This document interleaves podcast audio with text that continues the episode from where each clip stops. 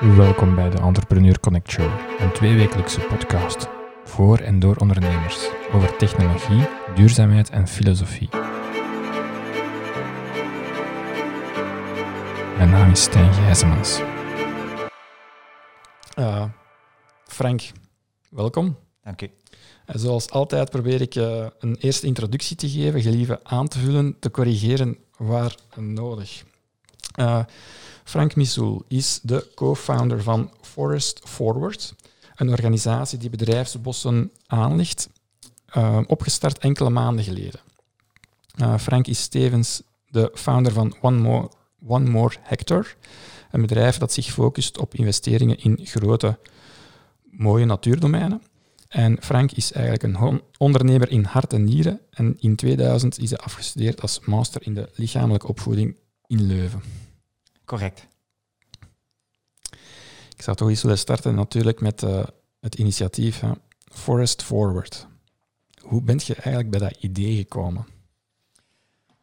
Ja, zoals, zoals alle ideeën is dat, is dat een, een samenraapsel van, uh, van allerhande prikkels uh, die, die, die je op alle onverwachte plaatsen krijgt natuurlijk. Hè. Um, ik denk dat het idee is ontstaan is in oktober vorig jaar, dus, super recent. Hè. We zijn eigenlijk extreem, extreem snel gestart met, uh, met dat bedrijf.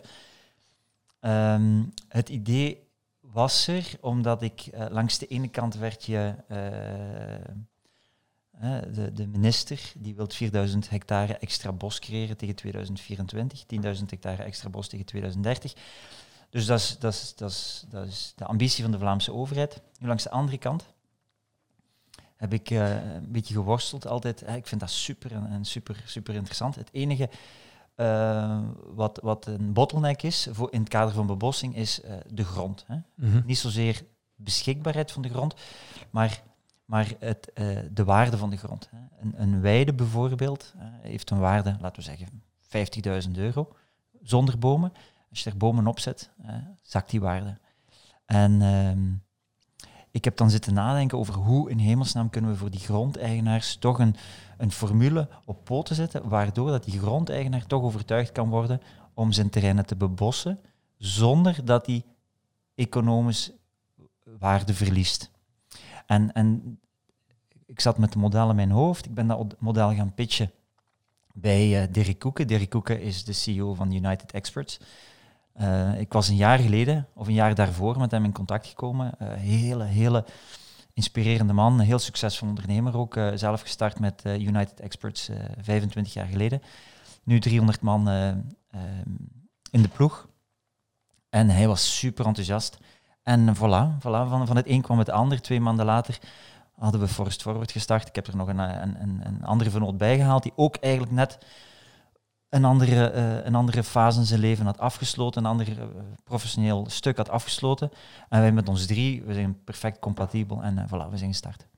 En dus de elevator pitch dat je toen hebt gegeven, um, wat is de samenvatting eigenlijk voor onze kijkers en luisteraars up-to-date te brengen? Het idee is eigenlijk om het voor um, bedrijven in Vlaanderen super makkelijk te maken om een eigen bedrijfsbos te creëren, niet aan de andere kant van de wereld, maar hier in Vlaanderen liefst zo dicht mogelijk bij de hoofdzetel of bij de vestigingen van die firma.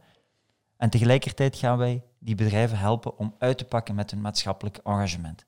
En dus in plaats van advertentieruimte te kopen en een boekje of op Facebook of op Instagram of weet ik veel welke reclame dat je kunt doen, gaan die bedrijven de mogelijkheid hebben om echt iets tastbaar te realiseren. Een bos, maar dat bos, daar mag wel mee uitgepakt worden. En daar helpen we ze mee. Dus het is een volledige ontzorging, zowel op het vlak van het vinden van gronden, het bostechnische vlak, dus al de vergunningen, keuze van het plantsoen, aankoop van het plantsoen, uh, het aanplanten, het onderhoud voor 20 jaar en uh, al het communicatieve.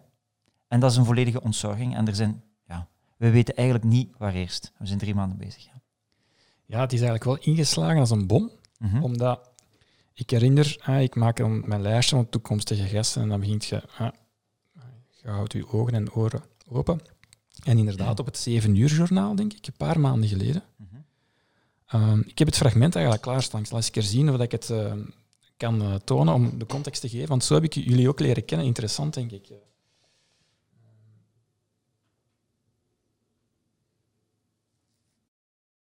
Vlaanderen wil over vier jaar 4000 hectare nieuw bos hebben. Maar waar vind je de gronden om zomaar nieuw bos aan te planten? Een bedrijfje uit Limburg denkt een gat in de markt te hebben gevonden. Ze laten bedrijven een bos leasen, huren, zeg maar dus. Alle betrokkenen worden er volgens hen beter van. En u zal het merken, deze reportage is opgenomen voor de sneeuw van vanochtend viel. In feite zou je eh, hier perfect een, eh, een, een, heel mooi bos kunnen realiseren. Zoals je ziet is de omgeving al een beetje uh, bebost. Dus why not? Deze man droomt van meer bos in Vlaanderen. Hij zoekt grondeigenaren die hem een perceel willen verhuren, waarna hij er een bos aan plant. En dat kunnen bedrijven dan leasen, huren als het ware, voor een jaarlijks bedrag. Langs de ene kant is het iets heel tof uh, voor het personeel, de medewerkers, uh, die fier kunnen zijn over hun eigen bos.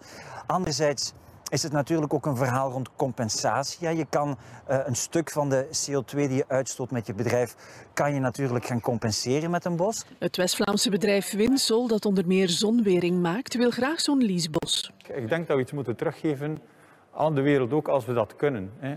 Ja, en het is natuurlijk ook goede PR. Als groen bedrijf wil u zich groen profileren. Zeker weten. Allee, we moeten daar ook geen, uh, uh, niet flauw over doen. Hè. Het, het, past ook bij een imagobeelding. Vlaanderen lanceerde vorig jaar nog de website plantjeeigenbos.be. Want de eigenaars kunnen tot 25.000 euro subsidie krijgen per hectare nieuw bos. Waarom koopt het bedrijf dan geen eigen bos? Waarom koop je niet al je auto's en lease je ze? Een beetje hetzelfde antwoord. Hè. Financieel interessant? Nee, nee, nee, nee. Dat is gewoon, je, kan, je moet bij je core business blijven. Je kan niet alles doen. De leasebossen zouden gegroepeerd worden en bedrijfsnamen worden niet opzichtig. Maar gaan ze niet lopen met alle subsidies? Als we daardoor die 4000 hectare kunnen realiseren samen met alle andere partijen die hun schouders er willen onderzetten, dan moeten we dat gewoon doen. Op een zondag als vandaag werknemers een wandeling in een besneeuwd bos. uh, ja, goed. Dat was echt, echt ingeslagen als een bom, denk ik. Want ook uh, op het laatste nieuws, uh, de Morgen Kanaal Z, heel veel feedback dan direct van klanten ook gekregen. Heel veel, heel, veel, uh, heel veel nieuwe klanten natuurlijk, hè? want we hadden nog geen klanten. Hè? Ja, ja, ja inderdaad. Dus ik ben die zondagavond gecontacteerd geworden door bedrijven nog uh, om acht uur s'avonds. Ja, ja, ja, ja uh, wanneer kunnen we elkaar zien? Uh, herinner ik mij iemand uit West-Vlaanderen. Um, en dan ook de maandagochtend stond, stond onze, onze algemene inbox van Forest Forward boomvol. niet alleen met bedrijven, maar ook met um, zowel boseigenaars als, als grondeigenaars. dus ja, het was echt super. Ik, ik heb dat echt onderschat. Hoe, hoe, of ik wist dat gewoon niet, hoe, hoe, hoeveel impact dat, dat heeft, uh, die pers. Maar ehm, mijn vernoot, Dayo, uh, is, is, um, is, is een topondernemer in, in alles wat met PR en, en, communicatie te maken heeft. Hij was vroeger oprichter en, en CEO van de Be Public groep. En ja, dat was zijn, dat dan natuurlijk. Hè. Dus heeft zijn netwerk aangesproken en ongelooflijk, onbetaalbaar.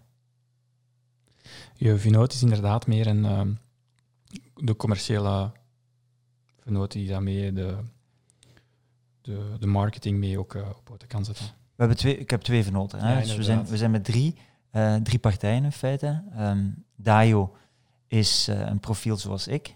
we zijn allebei, we hebben allebei al een bedrijf gehad, we hebben ook allebei al een bedrijf verkocht.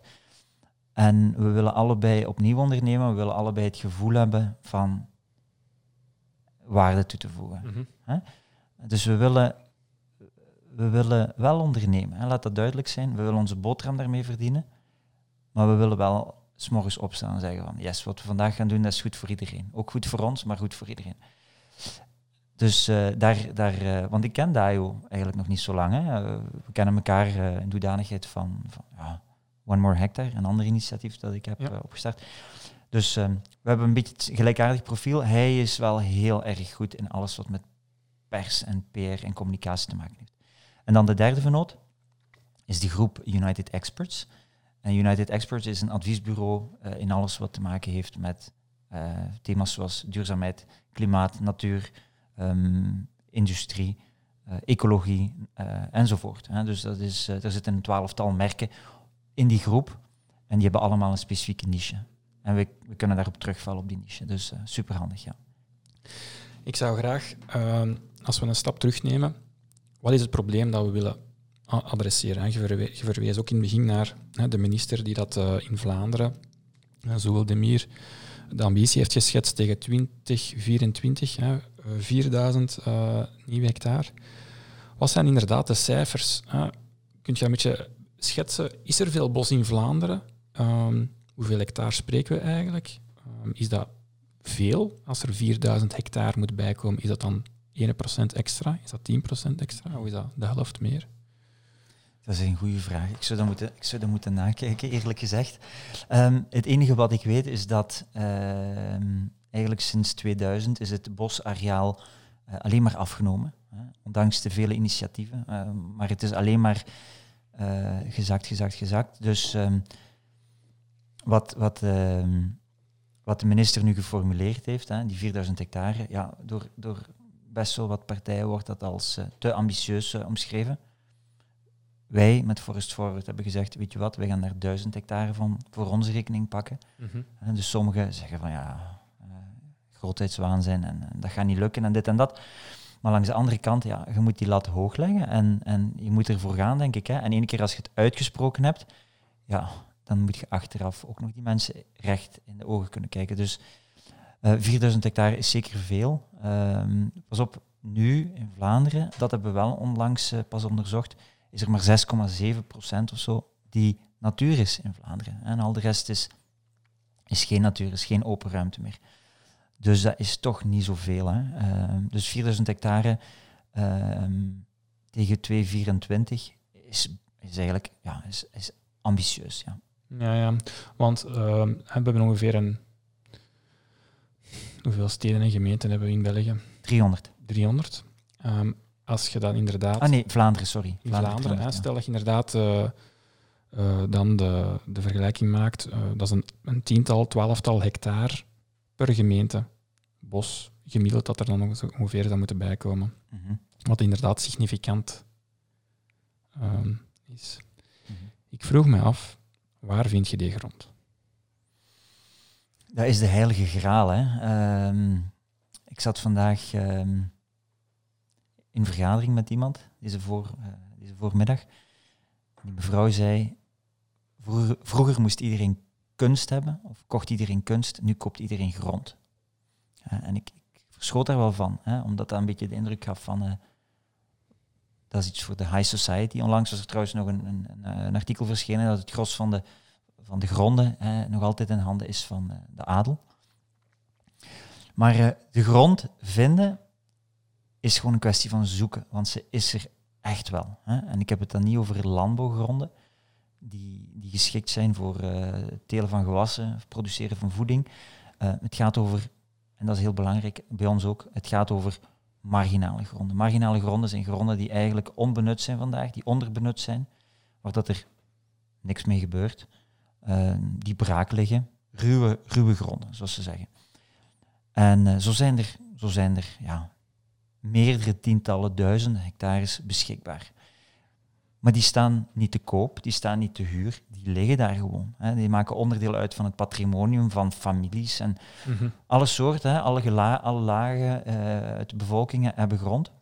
Maar wij gaan die dus zoeken.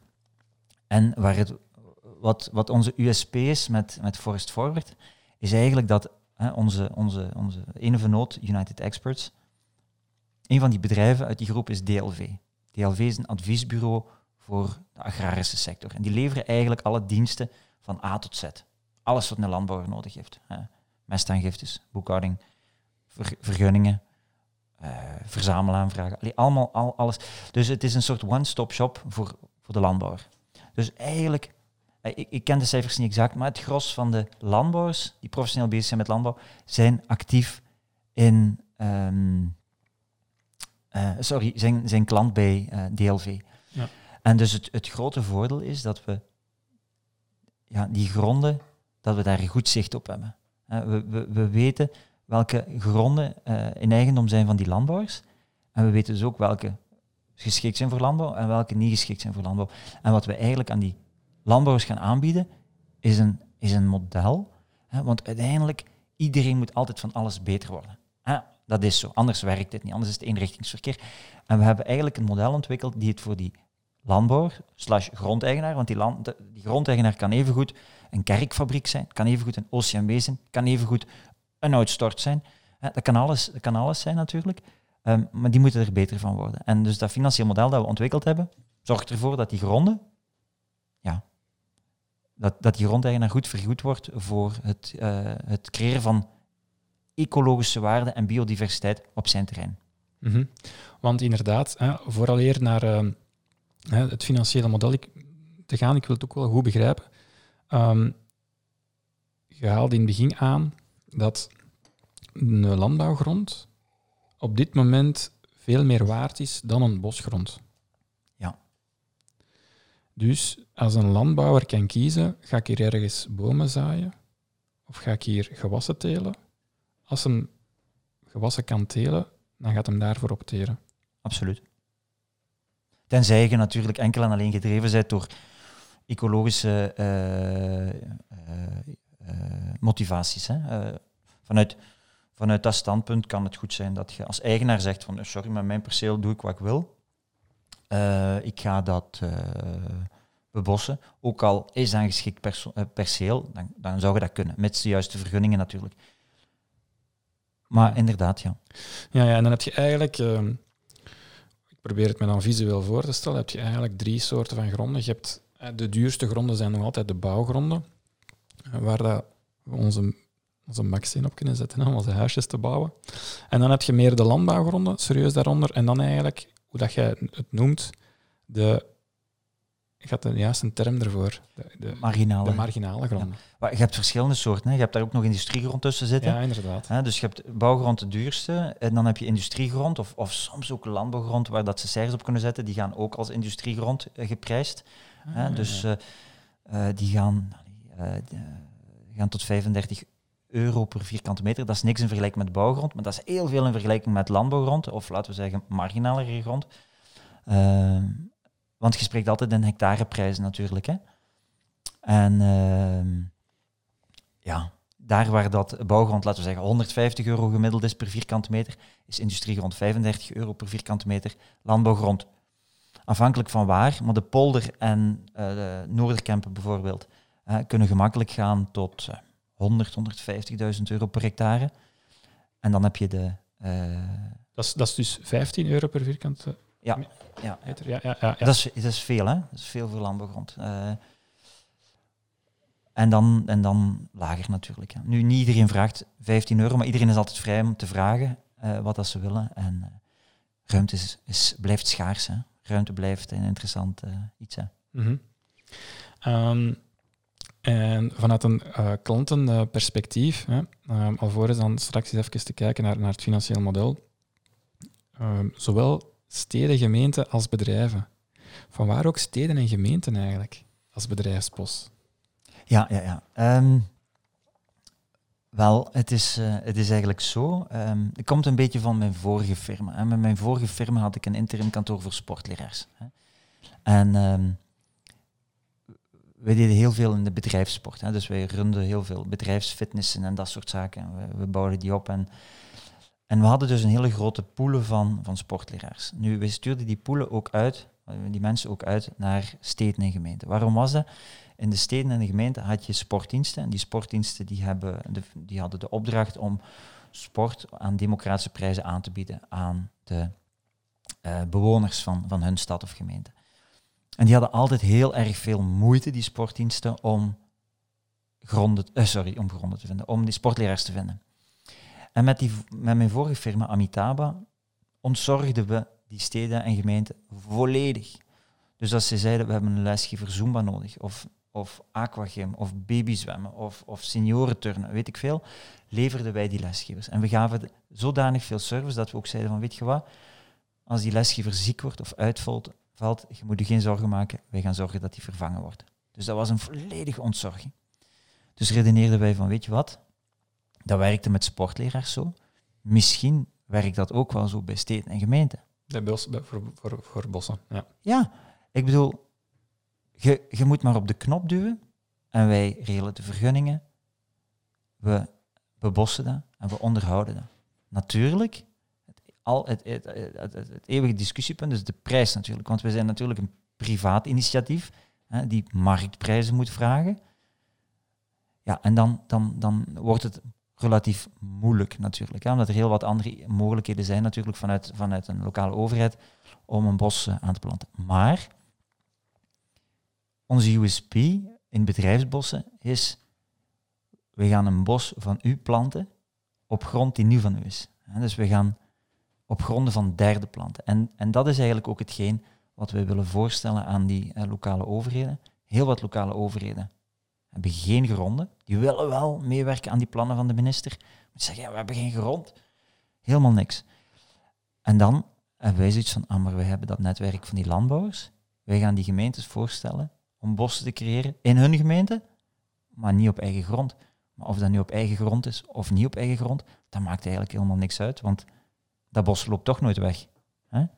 En dan heb je als gemeente x aantal hectares bos gecreëerd, niet op je eigen terrein, maar je moet er niks van aantrekken. Dat wordt onderhouden, dat bos staat daar voor eeuwig en altijd. En iedereen heeft aan zijn doelstellingen kunnen eh, voldoen. Dus eh, voilà. Mhm. Hoe is de eh, feedback voorlopig van, van steden en gemeenten? Ik weet, hè, voor, voor bedrijven bellen ze al. Hè. Ehm, heb je daar ook al de eerste contacten kunnen leggen eh, met een aantal eh, gemeentes die dat geïnteresseerd zijn? Of hoe verloopt dat? We hebben, we hebben alle 300 gemeentes in Vlaanderen al gecontacteerd. Hè? Dus we zijn eh, aan het- Proactief. altijd proactief. ja, anders, Ja, ja. ze komen niet vanzelf. Hè? Je moet ze zelf contacteren. Ik denk dat dat mijn motto is, doorheen alles. Je, moet, je moet er naartoe gaan. Hè? En dan niet fysiek hè, natuurlijk, maar je moet, ze, je moet ze benaderen. We hebben op vandaag alle 300 gemeentes gecontacteerd. En eh, zoals altijd heb je mensen die zeggen, eh, niks voor ons. En langs de andere kant heb je heel wat eh, gemeentes en, en partijen die zeggen, wauw, weet je. Dus ehm, super tof. Ik kan een klein tipje van de sluier ehm, eh, eh, lichten, want ehm, we zijn eigenlijk bezig met een heel, heel, heel, heel leuk project. En het is eigenlijk een beetje een, primeur dan nu natuurlijk. Maar we gaan starten binnen twee weken met een project dat heet Het Grootste Bos. En het Grootste Bos is eigenlijk een grote groene PPS, publieke-private samenwerking. Mhm. En wat is dat? We willen eigenlijk lokale overheden en lokale ondernemers laten samenwerken. Als wij spreken over een bedrijfsbos, dan spreken we minstens over 5000 vierkante meter. De, de meeste bedrijven die tot nu toe bevestigd hebben, hebben... eh, Dat is vijf hectare. Nee, 5000 vierkante meter is een half hectare. een half hectare, ja. Maar de meeste bedrijven die tot nu toe bevestigd hebben, zitten allemaal boven de hectare. Mhm. Maar natuurlijk, ja, je betaalt een all-in prijs. Hè. Eh, dat is niet voor elke ondernemer die graag wil bebossen mogelijk. Allee, uiteindelijk, je gaat wel een engagement aan voor 20 jaar. Eh, je krijgt heel veel in de plaats. Je krijgt eigenlijk te veel voor de prijs, maar het is toch nog altijd een prijs. Hè. Dus ehm, voor, die voor, die, voor die kleinere ondernemers die zeggen we willen ook bebossen, hebben we eigenlijk het grootste bos eh, uitgevonden. En wat is dat? Dat is, dat is dus een samenwerking tussen de lokale overheid. En de lokale overheid gaat grond in de pot leggen, laten we zeggen. En wij gaan ervoor zorgen dat de lokale ondernemer kan intekenen om dat perceel te bebossen. Niet ineens, laten we zeggen 1 hectare, 10.000 vierkante meter. Dat perceel gaan we opsplitsen in stukjes van 1000 vierkante meter. En de bakker, en de slager, en de schoenmaker, en de boekhouder kunnen allemaal intekenen op 1000 vierkante meter, op 150 bomen. En je krijgt dan geen uniek bedrijfsbos, Mhm. maar je krijgt dan een collectief bedrijfsbos. Maar allemaal lokaal. We zitten hier in, in Tielen. Beelden we in dat we een, een, een perceel hebben 100 meter verder. En alle ondernemers, de middenstand van Tielen, kan daarop intekenen. Dat is fantastisch, hè? want die onder, je moet er rekening mee houden. Je kunt je bos al laten leven nog voordat je bos er staat. Hè? Want als de bakker bijvoorbeeld zou zeggen, ik koop 20 pistolets en 20 pistolets staat gelijk aan een boom bijvoorbeeld, ja, dan betrek je je klanten daarbij. Jij zelf als ondernemer zit super fier dat je iets kunt creëren aan je gemeente. En je gemeente creëert een soort vibe in de, in de gemeente. ja, waar dat iedereen samenwerkt. Dus wat we eigenlijk willen doen met het grootste bos, is een klein beetje naar analogie zoals de warmste week. Gewoon een, ja, een, een community en, en voilà, we willen alle stakeholders samenbrengen om dat te realiseren. Dus op die manier kost het ook de lokale overheid helemaal niks, want het, is de, eh, het zijn de ondernemingen die de bomen kopen, die de grond... Allee, dat kan ook weer natuurlijk op grond van derden. Hè. Dus stel dat de gemeente zegt, we willen graag meedoen, maar geen grond. Ja, dat is goed. Dat kan ook op grond van derden. Dus die lo- lokale ondernemer betaalt dus een klein stukje, een tiende van een hectare, onderhoud, huurgrond en communicatie. En de gemeente, hè, die moet 20 jaar zich niks aantrekken van dat onderhoud van dat bos, want dat wordt door haar eigen middenstand geregeld. Dus toch tof, hè? Mai. Ik denk ehm, dat je En- visite mocht naar, eh naar Zoal Demir. Misschien Ja, moeten we ze... Maar ik geloof dat er een, een vergadering eh, eh, vaststaat. Ah, voilà. Dus eh, En- ik wil ze wel taggen op mijn, in mijn post. Oh ja, dat zou tof zijn. Maar ehm, we hebben trouwens, eh, dat is ook heel, heel, we zijn ook super fier. Onze ambassadeur eh, van het grootste bos is eh, Saartje van den Driessen. Mhm. En eh was ook super boeiend. We hebben ongeveer, eh, we, hebben het, we hebben het één keer gepitcht aan haar en die was verkocht. Dus die vindt, dat, die vindt dat super. En, en wij vinden dat natuurlijk ook super, want zij gaat nu, geloof ik, een maand in een bos zitten. Overleven. Leven. Dus het is een maand eigenlijk van de wereld. Ehm, ik geloof dat ze van 8 april tot 8 mei in dat bos zit. Dus ja, dat, het past allemaal. Ehm, en voor onderhoud, dan werken jullie inderdaad misschien samen met een van de partners in de groep eh, waar jullie zitten, zeker. Correct, ja. Want uiteindelijk, als je het bos... Hoe moet ik me dat inbeelden? Eh, Als je het, hè, we, moeten de financiering rondkrijgen, de, de partners, de gemeenten, de, de bedrijven samen krijgen. Maar uiteindelijk moet dan de eerste spaden in de grond worden geplaatst. En hoe werkt dat eh, concreet dan? Dus we hebben ons stuk grond. En het is niet omdat iedereen daarop wil bouwen, dat, of eh, wil bomen planten, dat dat mag. Hè. Dus je moet eerst natuurlijk een goedkeuring krijgen. Misschien moet er zelfs vegetatiewijziging aangevraagd worden of een omgevingsvergunning enzovoort. Je hebt, in eerste instantie heb je een bosvergunning nodig. Dus als dat in orde is, is, dat goed. Dan gaan we kijken eh, in functie van de bodem, in functie van de omgeving, welke... Pas op, hè. ik spreek like een expert, maar ik ben geen expert, want dat is 100% onze, onze, ons zusterbedrijf Landmax die dat doet. Eh, Jeroen Truijen, de zaakvoerder, eh, is, is degene die dat eh, allemaal over, overloopt, overkijkt. En dan ehm, worden er, wordt er een natuurbeheerplan opgesteld. Wordt voorgelegd aan het agentschap Natuur en Bos. En, ehm, en, voilà. en dan wordt er eigenlijk een datum geprikt voor de aanplant. Mhm. En daar wordt iedereen op uitgenodigd. Dat is, dat is zo met de bedrijfsbossen, dat gaat zo met, met het grootste bos zijn ook. En op die ene dag, eh dat, terrein wordt, dat terrein wordt al voorbereid natuurlijk. Die, die, die, putten gaan al in de grond staan. Je moet, je moet niet beginnen schuppen. hè. Die, die putten zijn daar al. Die, dat, plantsoen gaat daar zijn. En dan wordt dat gewoon één heel leuk event. Hè. Eh, het moet natuurlijk wel gedaan zijn met die eh, corona. Hè, dat iedereen weer lekker naar buiten kan komen. Maar dus op dat evenement wordt een beetje pers uitgenodigd. Daar wordt een beetje eh, lokale politiek natuurlijk eh, op uitgenodigd. Die worden trouwens ook allemaal uitgenodigd op, of die zullen uitgenodigd worden op de bedrijfsbossen. Eh, want iedereen vindt dat tof. Hè? En, ehm, en, dan, en dan bomen in de grond. Ongeveer, eh, laten we zeggen, die aanplantactie zal twee uur duren. Een half uurtje uitleggen, een uur en een half planten. Ehm 15 bomen per persoon. Hè? Dus met 100 man bijvoorbeeld heb je 1 hectare aangeplant op een namiddag. En dan heb je bos. Hè? En als er bijvoorbeeld... eh, want daar stopt het natuurlijk niet. Hè? En dat is ook nog geen bos. Hè? Dat zijn van die stengels die uitsteken. Mhm. Hè, dus dat duurt een tijdje voordat het een bos is natuurlijk. En dan wordt daar, eh, als er veel wild in de buurt zit, dan wordt daar een raster rond geplaatst. Hè, dat de reeën eh, niet al die groene blaadjes, eh, die jonge blaadjes komen opeten.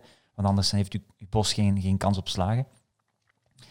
En, ehm, Dan zijn we vertrokken. en zijn we vertrokken. En dan is er heel erg eh, veel eh, onderhoud nodig in het begin. Omdat natuurlijk anders die kleine boompjes kunnen makkelijk overwoekerd geraken door eh, de bramen enzovoort.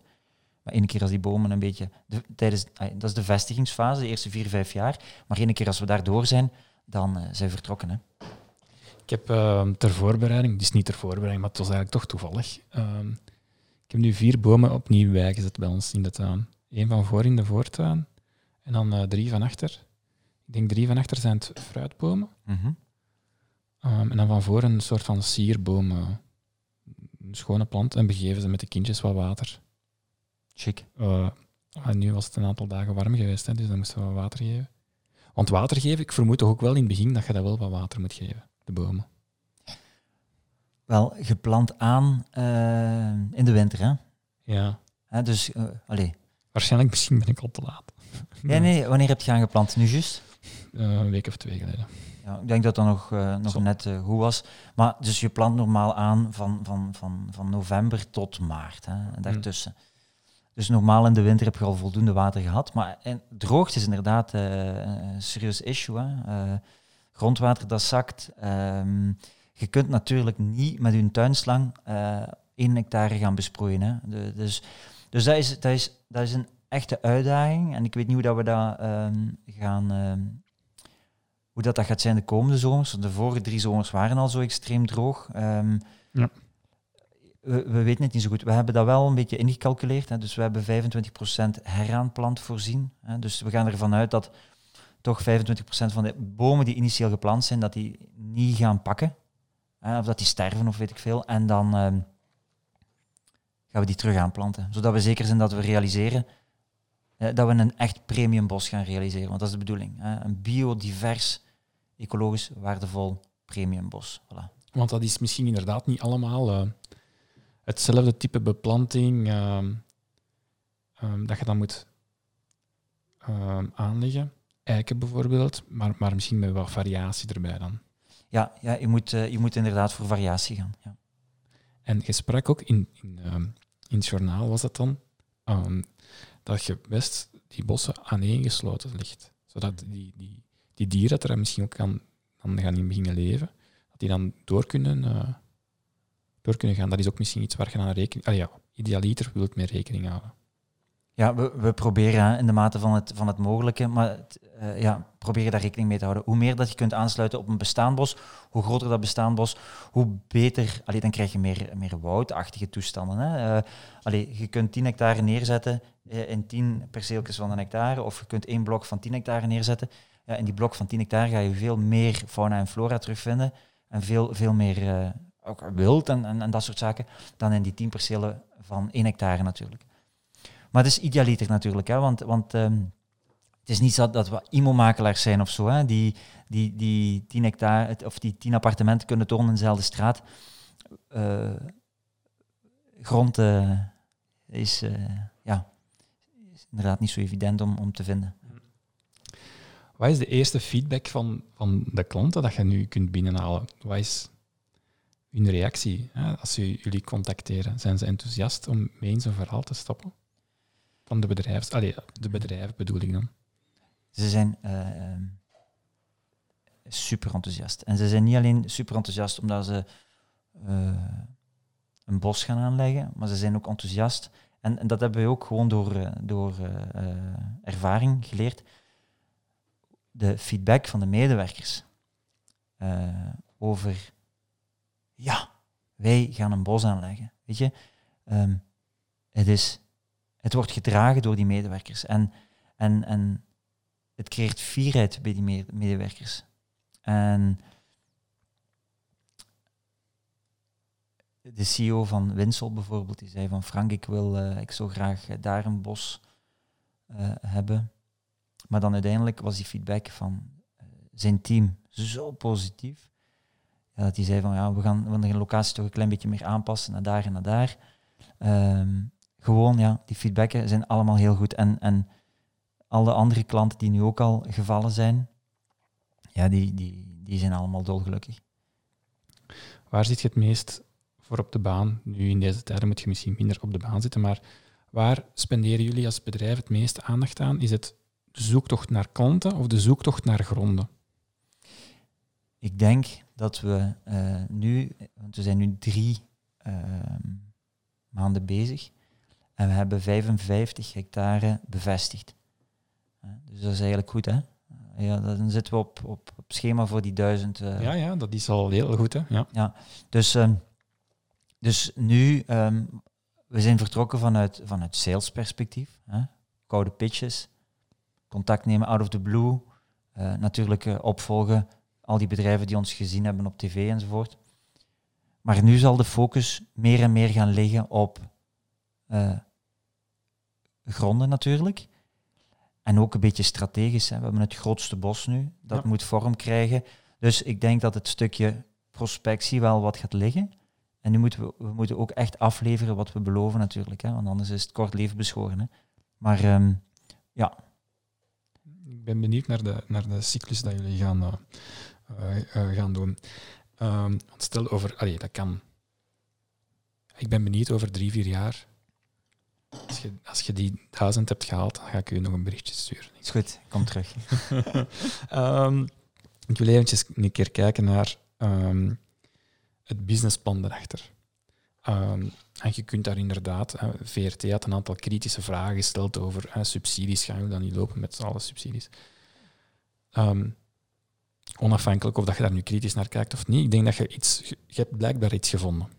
Iets gevonden dat werkt voor jullie, iets, iets gevonden dat werkt voor de bedrijven en iets gevonden waarmee je bos kunt aanplannen. Wat is de formule dat jullie gevonden hebben? De, de formule is eigenlijk eh, relatief eh, eenvoudig. In die zin dat ehm, wij huren, Forest Forward huurt het perceel van de grondeigenaar, landbouwer, private persoon, eh, kerkfabriek, eh, weet ik veel. Mhm. Ehm, en wij verpakken alle diensten in een pakket. En dat pakket wordt aangeboden aan het bedrijf in de vorm van een leaseformule. Hè? Dus Mhm. net zoals bij een auto, waarbij dat je alles, behalve de brandstof dan, maar onderhoud en alles inbegrepen hebt. Je hebt het genot, je hebt het gebruik, je hebt alles inclusief, behalve zit, je zit geen eigenaar. En met dat bos is dat juist hetzelfde. Dus wij huren de grond, Forest Forward huurt de grond, dus wij gaan ook het engagement aan met die grondeigenaar. Die grondeigenaar, dat, dat zijn vaak mensen die ons moederbedrijf, hè, United Experts, ons aandeelhouder, ook eh, goed kennen. Dus er is vertrouwen, hè, want als het over gronden gaat, is, is alles vertrouwen. En natuurlijk, zowel Dayo als ik zijn nieuw in die business. Ja, we hebben nog niet die reputatie van, kunnen we die wel vertrouwen? Dus, maar onze, partner, onze andere partner wel natuurlijk. Hè. Dus wij gaan met Forest Forward engagement aan met die grondeigenaar. We sluiten een contract voor 20 jaar. Dus die grondeigenaar is zeker van inkomsten gedurende 20 jaar. En die inkomsten die liggen een stuk, stuk, stuk hoger dan wanneer dat die grondeigenaar... Ja, sowieso, meestal is het al onbenut, dus verdient die grondeigenaar er niks aan.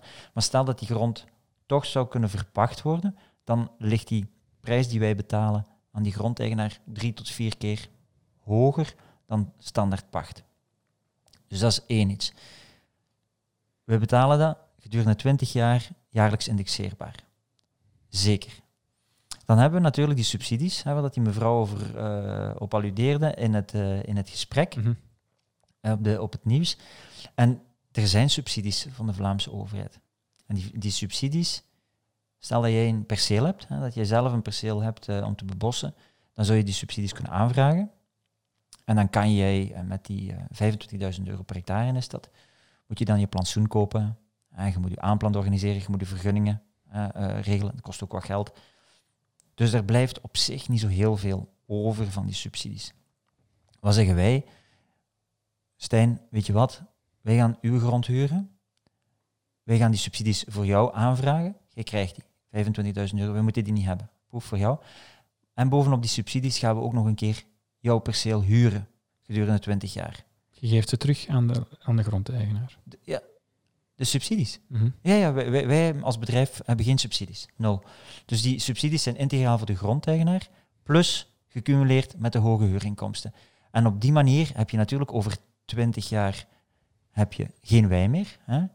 maar uw waardeverlies, als dat er al is, dan is dat 100% gecompenseerd doordat je daar eh, Ja. huur en subsidies hebt aan kunnen koppelen. Ja. En dan na 20 jaar, je hebt dan nog altijd een jong bos, maar dan kun je toch stilletjes aan beginnen denken aan bosbouw hè, of aan dunningen.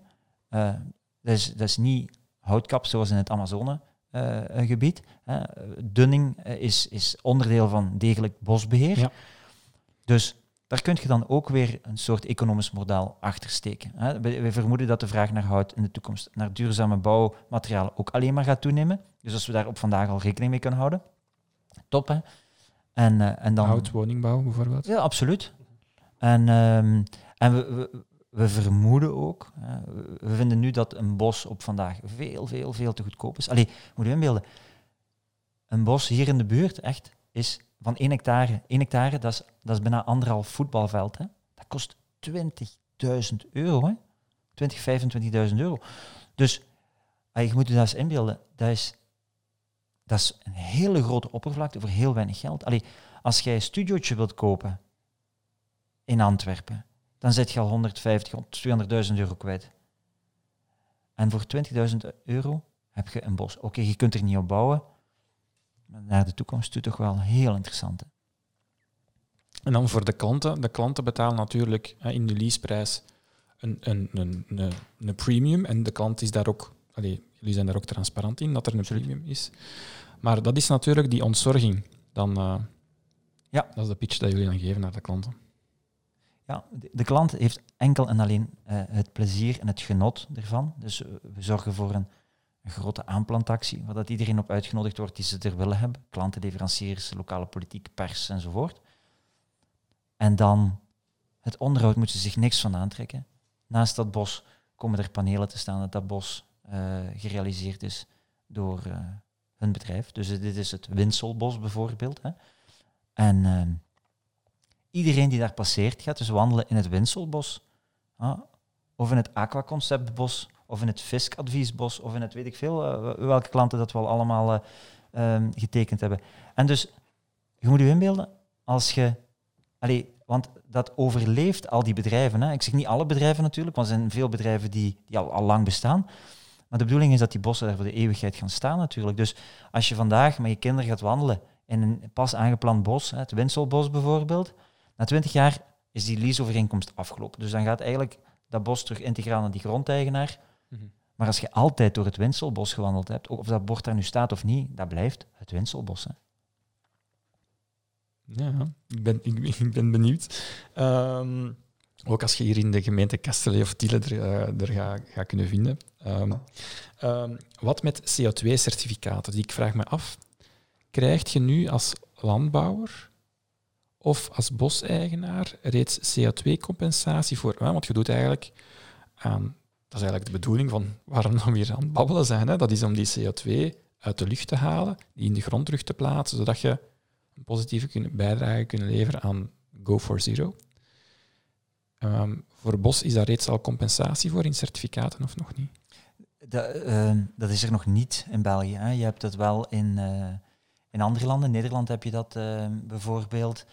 Ehm, in andere Europese landen. We, we, zijn, dat aan het onderzoeken, maar we vermoeden wel dat daar een stuk ehm, ja, de politiek sturing moet geven. Hè. We, we hebben het, we hebben het eh, of we zijn er eigenlijk mee bezig, omdat er zodanig veel interessante modellen achter zitten. Allee, bossen capteren CO2, maar er zijn heel veel andere gewassen die nog veel meer CO2 opvangen dan, dan bossen. Hè. Olifantengras capteert vier keer zoveel. Ja? ja hè. En dan zijn er nog andere soorten die ik niet ken. Hè. Dat zou ik aan de specialisten moeten vragen. M- Maar iedereen met een tuin capteert ook CO2. Hè.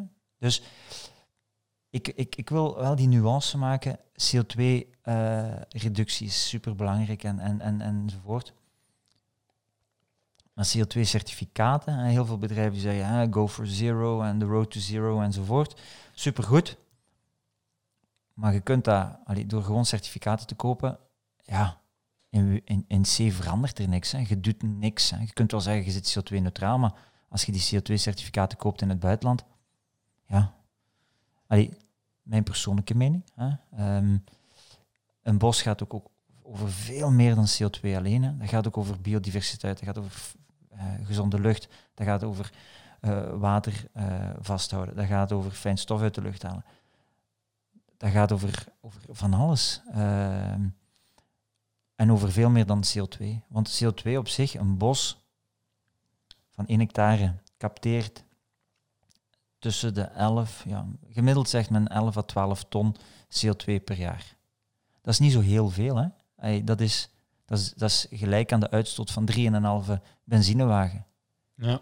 Dat is wel 1 hectare, hè? dus eh, dat is niet zo heel veel. Pas op, die, die bomen capteren en die behouden dat enzovoort enzovoort. En die slaan dat op. Ehm, maar ja, Ja, ja, want inderdaad, als je bijvoorbeeld een, een aantal hectare aanlegt en je bedrijf heeft 100, eh 100 werknemers die nog altijd met een dieselwagen rondtuffen de komende 7, 8 jaar, dan gaat die compensatie niet eh, volledig kunnen verlopen via een aanplanting van bedrijfsbossen. nee, maar je moet zo'n bedrijfsbos moet je echt zien als een soort eh, last mile. Hè? Ja. Want ehm, we hebben heel wat bedrijven die, die, die, die ons contacteren en zeggen, ja, wij moeten voor, eh, wij moeten voor eh 8400 euro bijvoorbeeld aan CO2 compenseren. Nu, je moet weten, op de eh, CO2-markten vandaag is ehm 1 ton CO2 kost eh 42 euro ongeveer. Ja. Die prijzen die, die zijn wel enorm aan het stijgen. Hè? Dus eind 2020 was dat nog 28 euro. We zitten nu al aan 42 euro. Hè? Ehm, ja, dat is gauw opgelost. Hè? Ik bedoel, je moet maar je certificaten kopen en, en Online op de transactiemarkt. Voilà, hij zit er vanaf. Als je dat wilt compenseren ehm, met bos, dan heb je serieus bos aangelegd. Hè? Allee, ehm, dus eh, je moet zo'n bos, en zo, zo zeggen we tegen iedereen, hè, want we moeten ook niemand blaasjes wijs maken. Een bos is de last mile. Hè? Als je zonnepanelen hebt liggen, je hebt je wagenpark eh, eh, milieuvriendelijker gemaakt. Je hebt warmtepompen gezet. Je hebt overal hyper dubbele beglazing geplaatst. Allee, al die zaken die men misschien niet ziet, wel dan is een bos het laatste stukje. Om te laten zien van kijk, dat is hier wat we realiseren. En je moet ook dat bos zien als, zoals ik zei, biodiversiteit enzovoort, maar ook de buurt. Hè? Want al die bedrijfsbossen die gaan opengesteld worden. Als het bedrijf zegt, maar bedrijven gaan dat niet zeggen, maar als de eigenaar van die grond zegt, ja maar we willen, we willen dat er mag wel een bos opkomen, hè? je mocht ons betalen, maar er mag niemand anders opkomen en de buurt niet en dit en dat, dan zeggen we sorry, we gaan niet op uw perceel bebossen. Want iedereen moet ervan kunnen genieten.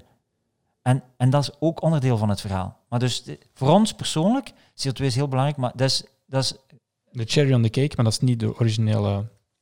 Nee. Dat is niet alleen de... de Dat is niet de hoofdmotivatie. Nee. Want dan, dan zouden we beter werken aan andere modellen. Hè. We, we, we hebben daar al over nagedacht. Hè. Eh, om, om een model op poten te zetten waarbij dat iedereen die een beetje iets of wat tuin heeft, de CO2-absorptiegraad van zijn tuin kan verkopen aan de lokale bakker, waardoor de lokale bakker zogezegd CO2-neutraal kan worden. Mhm. Interessant, hè? Want uiteindelijk, allee, en zo zijn er nog, allee, ik kan daarover uitweiden, eh, maar dus ja. Ja, maar je hebt inderdaad... eh, allee, de, de tuinen, je hebt een, eh, een organisatie, ik moet ze nog eens een keer uitnodigen hier. Ehm byebyegras.be. En die zijn ook in de media gekomen de laatste, laatste tijd om bloemenweides te zaaien in uw tuinen en, Mm. en zo verder. Dus vandaar inderdaad, elke burger kan ook initiatief nemen met zijn eigen tuin natuurlijk. Hè. Absoluut. En, en, eh, en, en bedrijven ook. Hè. Bedrijven die zeggen, we willen geen bedrijfsbos hebben, maar we willen wel, we willen wel iets doen. Hè, want Forest Forward gaat over bossen, maar dat gaat ook over ecologische bedrijventerreinen. Hè. Hè, en dat gaat over, over in plaats van strakke, strakke hagen en in plaats van over eh, kort geknipt eh, gras dat alle eh, momenten van het jaar er krak hetzelfde uitziet, naar, naar bijen en ooievaarsnesten en bloemes en waterpartijen en groendaken enzovoort. Dus, en, en allee, ik kan de namen nog niet, niet laten vallen, maar er zijn twee van de grootste retailers in het land zijn nu met ons aan het spreken over hoe dat ze hun bedrijfsterreinen groener kunnen maken. En wij met Forest Forward kunnen dat natuurlijk niet, want wij- bij ons gaat het over bossen. Maar we hebben het geluk dat onze aandeelhouder enzovoort hè, ja, actief is in al die andere zaken. Dus ehm, ja, we hebben, we hebben hele leuke uitdagingen. En voor een bedrijf is dat ook tof, want het is dan boenk op de site. Ja, tof. De feedback, als je inderdaad babbelt met de bedrijfsleiders, zou, is veranderd de laatste jaren, denk ik. Is er, is er een al, algemene grotere awareness nu de laatste jaren? I- i- Als ik de curve zou tekenen over de awareness van bedrijfsleiders om iets te doen rond bijvoorbeeld biodiversiteit, ehm, aanplanten van bossen, go for zero, en zo verder, en zo verder, en zo verder. Ik heb het gevoel dat we een soort van exponentiële curve zitten, die nog altijd booming is. Dat is absoluut zo. Ehm,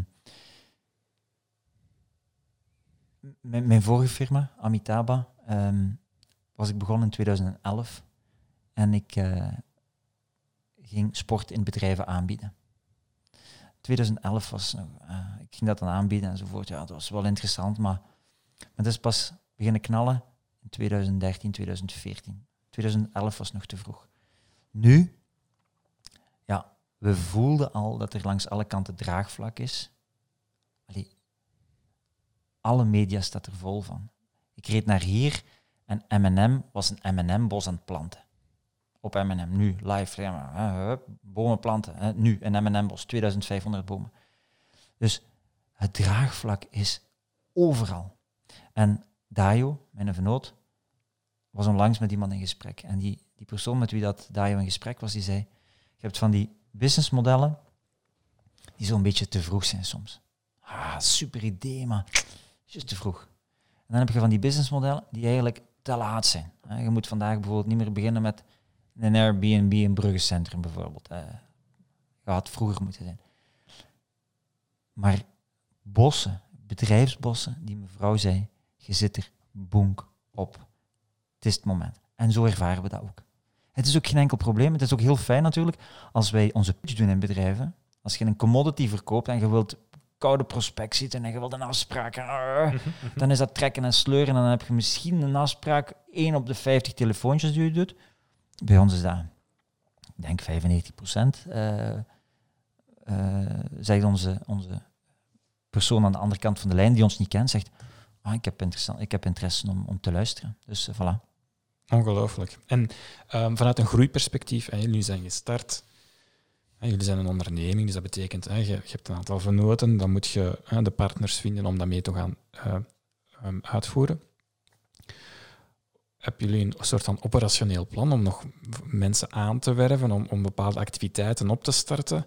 Hoe beeld je jullie organisatie in over drie, vier jaar? operationeel ga, ga je dan inderdaad naar een mooi bedrijf gaan waarbij je een aantal jonge mensen hebt meegenomen in dat verhaal. En hoe, hoe zien jullie dat? Um, het model dat we eigenlijk hebben is, is uh, op vandaag, hè, we, we, onze werkdagen, hè, ik zei het gisteren nog tegen Dayo, is is precies 48 uur per dag. Uh, van, vanmorgen was het ook weer 5 uur en gisteravond was het, was het 10 uur voordat de PC toeging. Hè. Dus het is, het is continu gas geven. Maar we vinden het super, hè, omdat we zien dat het marcheert. Um, maar um, het leuke is natuurlijk, Dayo en ik, we gaan de markt in hè, en we gaan praten met mensen en we gaan bedrijven overtuigen om te bebossen of te vergroenen of weet ik veel. Um, maar het bostechnische wordt dan uitbesteed natuurlijk aan onze zusters. Hè? En, en, en, de zoektocht van gronden is eigenlijk ook voor een andere zus, hè? dat is DLV. Dus wij, wij hebben op zich niet zo'n operationele druk. Eén keer als de opdrachten binnenkomen, dan is het eigenlijk, pas op, het is allemaal samen. Hè? Het is niet van nu trek jij je plan, maar we hebben het voordeel ook natuurlijk van, van die groep. Ja, ja, ja. ja. We hebben een marketingafdeling. Mm ene collectieve marketingafdeling in de groep, in de groep die we kunnen gebruiken. De groep heeft kantoren in Beringen, Wetteren, Turnhout, Ieper, Torhout en dan in, in Wallonië ook nog een paar. Dus we kunnen overal binnen. Overal als we willen vergaderen. En dat is echt een grote, grote luxe. Want we hebben de, de, de backbone van een, van, een, van een stevige boîte, maar wij hebben de flexibiliteit en de, en, en, en, en, en, en, de snelheid van een, um, een start-up. En we, we, natuurlijk, we zijn zelf eigenaar, 100% vrijheid, maar we kunnen wel diensten afleveren die, die iemand anders met hetzelfde idee misschien niet zou kunnen. Want uiteindelijk, we moeten eerlijk zijn, hè, dat gaat hier over een bos planten. Dat is geen high-tech, maar het is niet zo heel evident als het lijkt. Want we zijn ook nog altijd het enige en het eerste private bebossingsbedrijf in Vlaanderen. Hè? Al de rest zijn eigenlijk uh, VZW's. Ja. Um, ik had daar een vraagje over, over um, het feit dat je, dat je privaat bent. Hè? Dus um, ik kan mij inbeelden dat als je ehm, puur en duur ehm, eco-warriors tegenkomt, hè, die zeggen van kijk, hè, ik ben een, een, groene jongen in hart en nieren en, en, en ik leef daarvoor. En, en ik, ik, ik trek dat wereldbeeld ook door hè, naar, naar hoe ik economisch kijk naar de wereld. En voor mij, bossen, dat moet er natuurlijk komen. En dat mag niet een bedrijf zijn dat er zich in helpt. Hè. Dus ik kan mij inbeelden dat je soms zo'n feedback zou krijgen. Of eigenlijk, of eigenlijk, eigenlijk heb je die feedback nog niet gehad. Jawel. Maar ja, eh, het is soms, eh, dat is soms, soms inderdaad een uitdaging. Want langs de ene kant heb je die motivatie om, om bos te creëren en, en wordt ook gestimuleerd langs alle kanten. En dan heb je soms een grondeigenaar die zegt, ja, ik ga mee in uw verhaal. En dan wil je de vergunning aanvragen en dan krijg je eigenlijk te horen, sorry, daar mogen je niet op bebossen, dat terrein. Omdat dat bijvoorbeeld een andere vegetatie is. Historisch permanent grasland bijvoorbeeld. We hadden een heel leuk perceel aan, de, aan een eigenaar die anderhalve hectare had aan de Leien. Sint Maartens uh, afsnee. Hè. Dus de bootjes, die chique coté, passeerden daar en dat was eigenlijk super perceel. En we hadden een bedrijf al gekoppeld daarmee. En, en die grondeigenaar was 100% akkoord. Uh, hup, hup, hup. En uiteindelijk was er een organisatie die zei nee, een echte hardcore groene organisatie die zei nee, mag niet. Uh, want is HPG, historisch permanent grasland. En dat was frustrerend langs de ene kant, maar langs de andere, omdat we zoiets hadden van, ja, verdorie, en die een eigenaar wil en wij willen, hè, en het mag nu toch niet. En dan, um, ja, open ruimte is ook belangrijk. Vogels hebben open ruimte nodig om te landen, om te kunnen opstijgen. Allee, alleen bossen is niet genoeg. Hè. Dus, dus dat is, dat is één, uh, één uitdaging. Langs de andere kant, um, ja, ik weet niet of je dat, dat mopje kent van uh, die pastoor. Ik, ik, weet zelf niet meer hoe dat precies in elkaar gaat. Uh, die pastoor um, die, die zo zijn treinen afloopt en Ah nee, met die boer. Ja, zo was het. was een pastoor met een boer. En die boer gaat naar zijn eerste terrein. En, en die pastoor, oh, schone, schone bloemkolen hier op uw terrein. Hè. En ja, zegt die, uh, zegt die boer, hard gewerkt. Oh, zegt hij, met de hulp van God. Oké, okay, naar het volgende terrein. Pompoenen, echt, joekels van pompoenen. Uh, zegt die boer, kijk eens naar mijn pompoenen. Zegt die pastoor, ja, maar ja, dat is toch wel echt met de hulp van God. En komen ze ineens op een echt een vies, vuil uh, terreintje een beetje verder. Hè? Zegt die pastoor, wat is er hier gebeurd? En zegt die boer, hier heb ik God laten doen.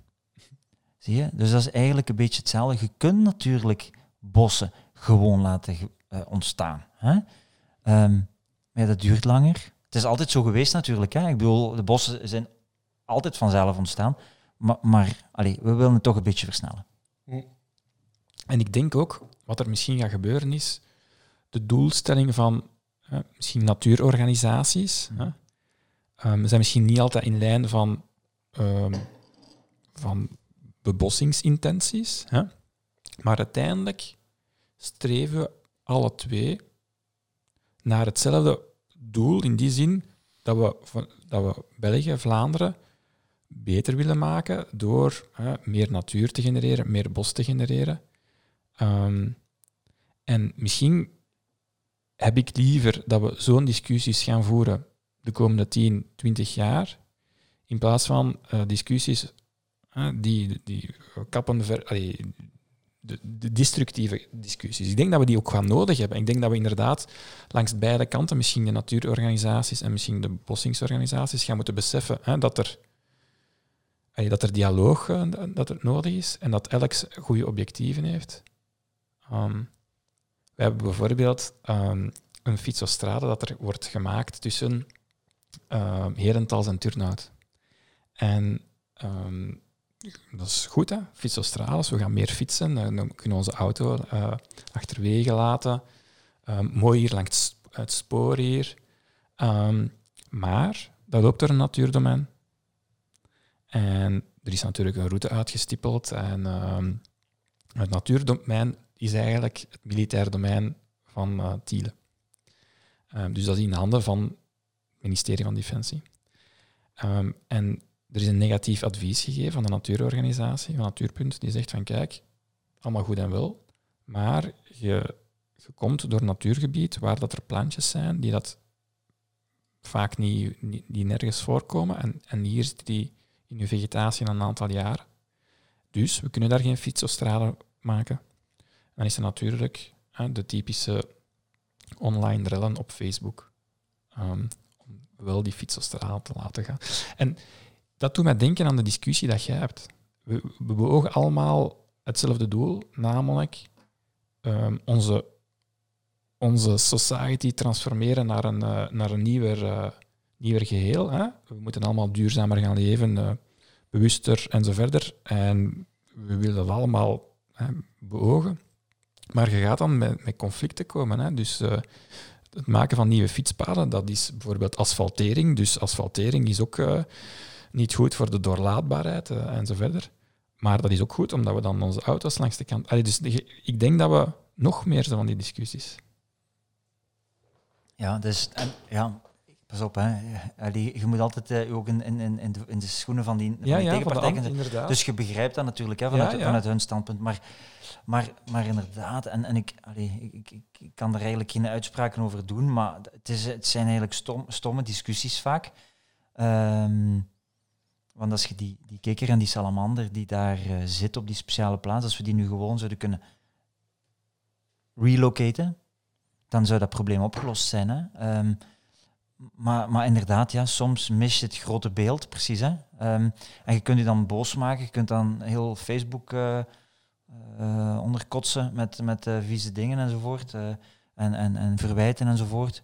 Ik denk dat je gewoon in dialoog moet gaan en, en, en proberen tot een vergelijk te komen. Hè. Uh, we zijn, wij zijn daar eigenlijk nu ook vaak mee bezig, want allee, we, werken veel met... Uh, mijn vernoot heeft altijd voor de vastgoedsector veel PR gedaan, dus die kent die mensen. Voor de mensen uit de vastgoedsector die, die gronden hebben, die, die, die vinden het idee om bossen te planten op hun gronden, die, die vinden dat heel akelig. Hè? Want er zijn tal van verhalen waarbij dat ze percelen hebben die perfect bouwgrond waren, die klaar lagen om een project op te realiseren, die daar ook voor zijn aangekocht, maar die een klein beetje genegeerd zijn geweest door in de jaar, die bijvoorbeeld twintig jaar geleden aangekocht zijn. En per toeval is er een boom kunnen ontstaan, of per toeval is daar een of andere speciale kikker geland. En plotseling, ja, mogen ze een project niet meer uitvoeren. Dus dat is ook niet juist. Hè? Dat, is, dat, is, dat is ook geen rechtszekerheid voor, voor dat bedrijf. En dat is gigantisch frustrerend, want je krijgt dan rechtszaken en van die toestanden. Um, dus wat wij nu aan het doen zijn met, met eigenlijk een paar bedrijven, die zeggen van kijk, we willen groen op onze site, maar het terrein dat we voor ogen hebben is eigenlijk industriegrond. Mm -hmm. En ooit willen we daar nog op kunnen uitbreiden. Maar we weten nog niet wanneer. Er zijn nog geen concrete plannen. Maar we willen natuurlijk niet van 35 euro per vierkante meter naar 4 euro per vierkante meter gaan. Dat gaan we niet doen. En we willen die grond behouden. En dan heb je natuurlijk, en dat moet vastgelegd worden in vergunningen enzovoort, maar er bestaat zoiets als een tijdelijke natuur. Tijdelijke natuur wil zeggen, je gaat zo hoog mogelijk ecologische waarde creëren gedurende een periode van maximum 10 jaar, want anders is het niet meer tijdelijk natuurlijk. En alles wat dat er na de start van die, van die vergunning gerealiseerd is, is re is, is uh, uh, verhuisbaar. Dus als er dieren opgekomen zijn, of weet ik veel wat, die, die, die uniek zijn, dan kunnen die elders ondergebracht worden. Maar je hebt een zorgplicht eigenlijk. Ja, ja. Je moet, je moet daarvoor zorgen dat als er baby's op een bewijs van spreken. Ja, het is een exitprocedure voorzien, ja. maar, maar uw bestemming, je hebt uw rechtszekerheid. Dus dat is wel dat is extreem belangrijk uh, voor bedrijven die vandaag willen vergroenen op terreinen die mogelijk in de toekomst nog een een, een, bedrijfsdoelstelling kunnen krijgen. Ja. Um, als je kijkt naar uh, de, uw persoonlijk verhaal, bent jij altijd eerder een ondernemer geweest? Of ook uh, een groene jongen? Heb, je dat ook meegekregen van thuis eigenlijk? Taking care of, of, of, of the planet? Of is het voornamelijk hè, het ondernemersbloed hè, dat in, uh, door hart en nieren eh, stroomt. Ehm, Ehm, ehm, ik, ik, eh, ik heb, ik, heb heel, ik heb alles meegekregen van thuis. Het, de, het groene is, eh, is gewoon puur eh, uit mezelf. Allee, en groen, ik ben geen groene jongen. Hè. Ik, ik hou gewoon eh, enorm van de natuur, zoals zoveel mensen. Dat is voor mij de allergrootste luxe, om gewoon buiten in de natuur te kunnen rondlopen, om te skiën, om, om te, ik ben een loper, hè, om te gaan lopen en Ja, ja. trailruns en oh, dat is, dat is voor mij de allergrootste luxe. Ehm, ik, ik vind dat ook eh, verschrikkelijk als er, als er natuur verdwijnt ten koste van eh, weet ik veel. Ik moest bijvoorbeeld, eh, ik had na mijn studies lichamelijke opvoeding heb ik nog een, een jaar economie gestudeerd op de Universiteit van Diepenbeek, nu Universiteit Hasselt. En ehm, we moesten toen een marktonderzoek doen voor het eh, nieuwe voetbalstadion van eh, Sint-Truiden.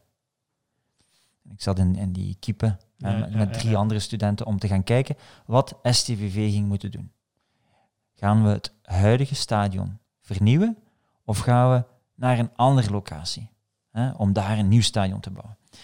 En ambitieuze studenten. Hè, ehm, dus wij, wij naar de directie van STVV en eh, eerst een rondleiding gekregen op de bestaande site, maar gevoeld toch van hun, die druk al een beetje van ja, we willen hier eigenlijk weg, want hier is niet genoeg parkeergelegenheid enzovoort.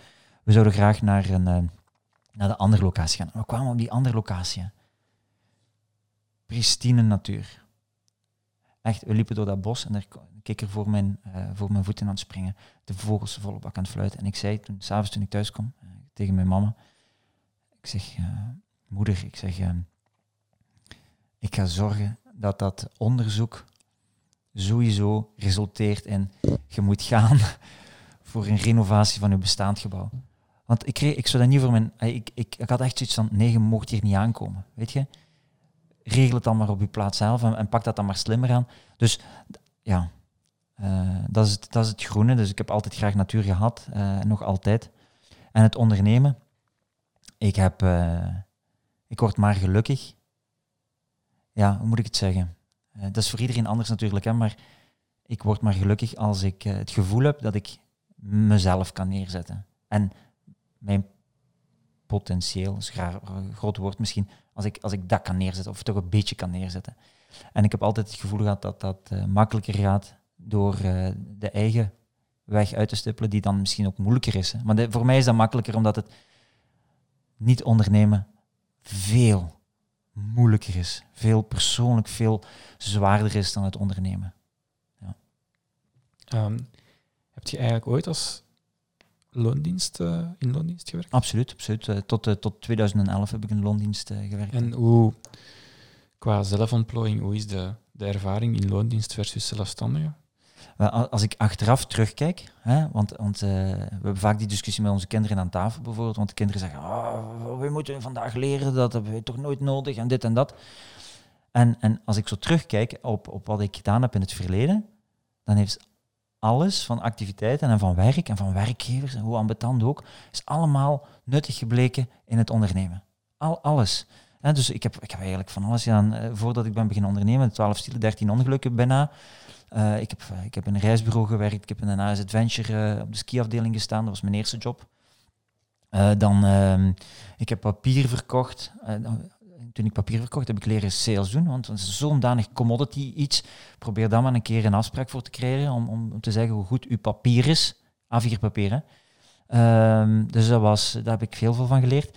En dan, ik heb wel telkens iedere keer de ambitie gehad om meer en meer en meer, ook al was het in loondienst, richting een richting uit te gaan die voor mij, eh, mij steeds meer vreugde gaf. En, en meer het gevoel gaf van, hier zit ik op mijn plaats. En dus net voordat ik ben beginnen ondernemen, heb ik eh, gewerkt voor een Canadees bedrijf eh, met, een, met een afdeling hier in, eh, in het Waasland, in Temse. eh, priority management. En daar mocht ik opleidingen geven. Opleidingen geven over eh, slimmer werken. Omgaan met uw mails en dus de priority management heette dat. En dat was zo boeiend. Zo boeiend. En, en, en die man, eh, want ik ben daar begonnen in 2007 en dan had je 2008 financiële crisis. En eh, dat was zo, dat is een hele goede vriend geworden voor mij. Ehm, en ehm, Wim, Wim was zo'n goede verkoper. En zelfs als, als het crisis was en als alle bedrijven niks deden, dan bleef hij gaan, dan bleef hij chatten geven en gas geven en, en, en sales doen. En, en die bleef, want die had die verantwoordelijkheid over mij en dan nog een andere collega. En, en die bleef gaan en die haalde die business binnen. En ik deed dat ook zo graag, want wat ik bracht, en ik denk dat dat eigenlijk de rode draad is in heel het ondernemersverhaal, wat ik bracht had echt gigantische impact op de work-life kwaliteit van de mensen. En vooral op de work kwaliteit. Want wat we deden in die opleiding was mensen een overzicht geven van wat ze eigenlijk gedurende de dag moeten doen. Controle over hun werk teruggeven. Niet een of andere vloe opleiding over, ah, weet ik veel, u, uh, vage dingen. Maar dat is super concreet. En pa, pa, pa. En, um, en dat gaf mij zodanig veel plezier. Maar zijn tijgergedrag, zijn vechtgedrag, ja, inspireerde mij dan ook. En, en ja, dan ben ik begonnen met uh, Amitabha. En, en zo uh, heb ik tegen hem gezegd, uh, eerst van voltijds naar vier vijfde, naar drie vijfde. En dan zei ik van, Wim nu moet ik gaan. En ehm, ik had natuurlijk geen inkomen, dan ben ik gesprongen. Ik had juist, ehm, ik had wel nog vaderschapsuitkering, dus ik heb wel nog zes maanden 700 euro gehad per maand. En mijn vrouw werkte ook, dus we hadden een inkomen. Maar we hadden wel al, uh, we hadden wel al uh, twee kinderen, dus er was wel een verplichting. We hadden ook al een huis enzovoort.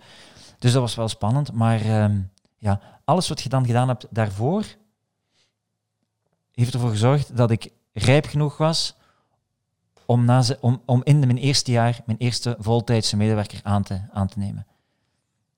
En dat was, uh, we waren vertrokken. Ja. Um, toen ik gevraagd had om een, om een één of twee persoonlijke voorwerpen mee te nemen, had je verwezen naar een boek. Hè? Dat, je, uh, dat zit voorlopig ergens in de verhuisvaliezen, had ik uh, begrepen, in de verhuisdozen. Ja, ja. Um, het boek, hè, die War of Art van Steven Pressfield, ja, um, waarin dat de verwijzing wordt gemaakt naar als je enorm veel angst hebt om iets te doen, om een bepaalde stap te nemen. Dus hij gaf in het boek dan, ik heb de, de verkorte versie even uh, doorgenomen. Het voorbeeld van als je uit een, een, een, een, vliegtuig moet springen als parachutist en je hebt enorm veel, veel angst. Niemand gaat dat uh, toegeven dat, dat je veel angst hebt. En eigenlijk, die zaken dat u enorm veel angst hebben dat zijn eigenlijk net de zaken misschien die dat je net moet doen. En en dan dan belemmeringen op, hè, waarom dat je dat allemaal niet zou moeten doen en uiteindelijk doet je het toch. Zijn er momenten geweest dan in, in die carrière dat je hebt gezegd, nu moet ik springen. Ik heb wel enorm veel angst om het te doen, maar nu moet ik springen. Ja, dat is eigenlijk cont continu. Hè? Ik bedoel, uh, het, blijft sowieso iedere dag, uh, iedere dag spannend. want het is super onzeker. Ja, maar dat houdt u, dat houdt u wel scherp. En, uh, en het ding is natuurlijk, en ik denk, ik spreek niet alleen voor mijn eigen, denk ik. Ik spreek voor veel mensen, denk ik. Maar als je met iets zit en je zit met een idee en je voelt dat daar zit en dat borrelt en dat inspireert je en je wilt dat naar buiten brengen enzovoort, dan krijg je echt iedere seconde eigenlijk de mogelijkheid om er vanaf te stappen.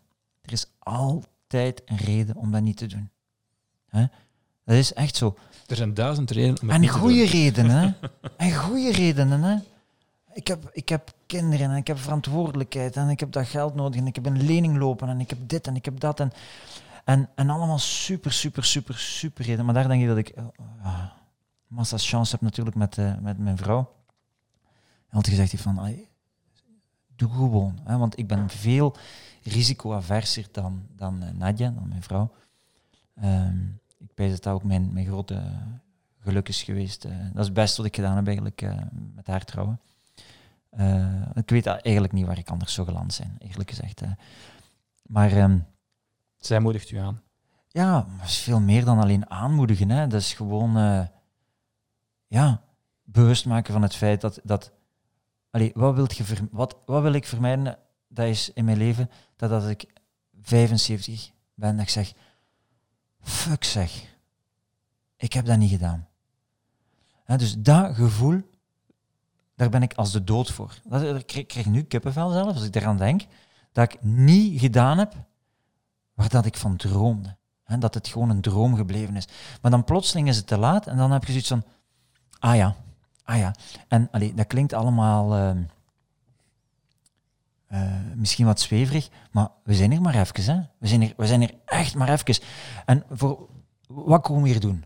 Om van s'morgens tot s'avonds iets tegen uw goesting te doen. Pas op, hè. ik zeg niet dat ik alles doe te, eh, voor mijn goesting, maar ik doe wel alles in het kader van het... ehm, passie is een verkeerd woord, maar ik wil zeggen, er zitten heel veel dingen tussen die ik niet graag doe, opdat ik uiteindelijk wel kan realiseren wat dat ik wel wil doen.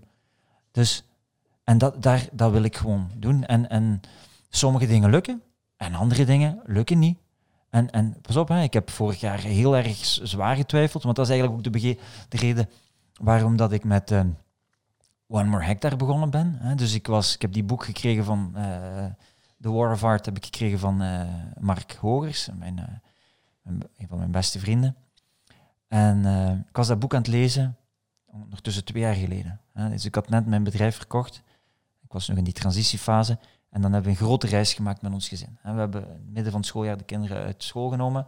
En we zijn gaan reizen, drie maanden. hè. We hebben Mhm. Indonesië gedaan, ehm, Bali, Java, Sumatra. We hebben in Australië gezeten. We hebben in Hongkong gezeten, we hebben in Singapore gezeten, we hebben in Maleisië gezeten.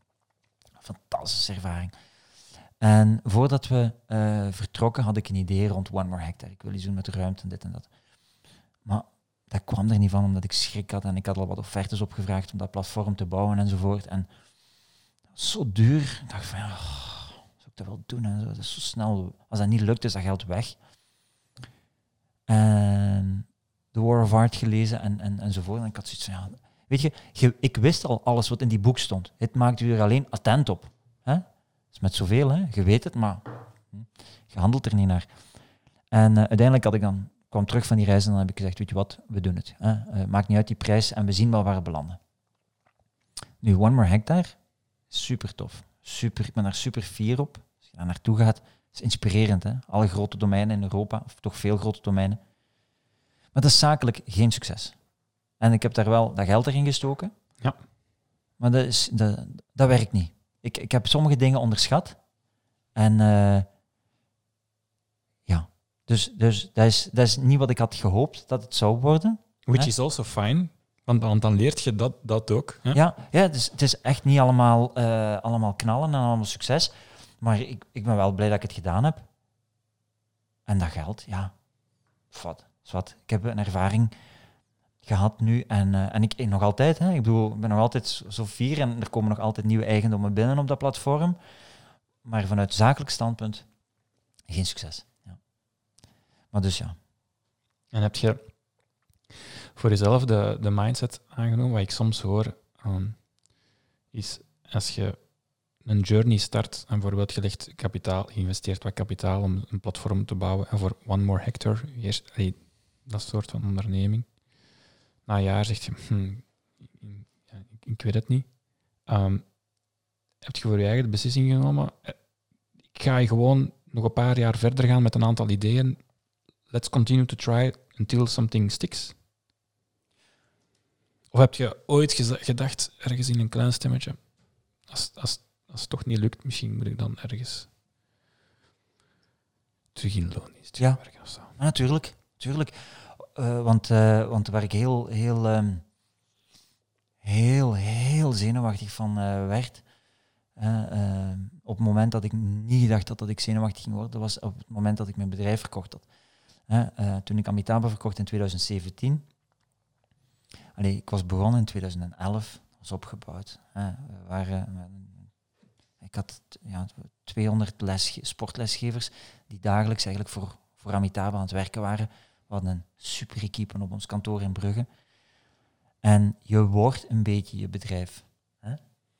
Je, je, je komt ergens binnen en ze zeggen, ah, dat is de zaakvoerder van Amitabha. En, en, dus dat, dat is, dat, ja, je identificeert met je bedrijf. Terwijl je je bedrijf totaal niet zijt. Hè?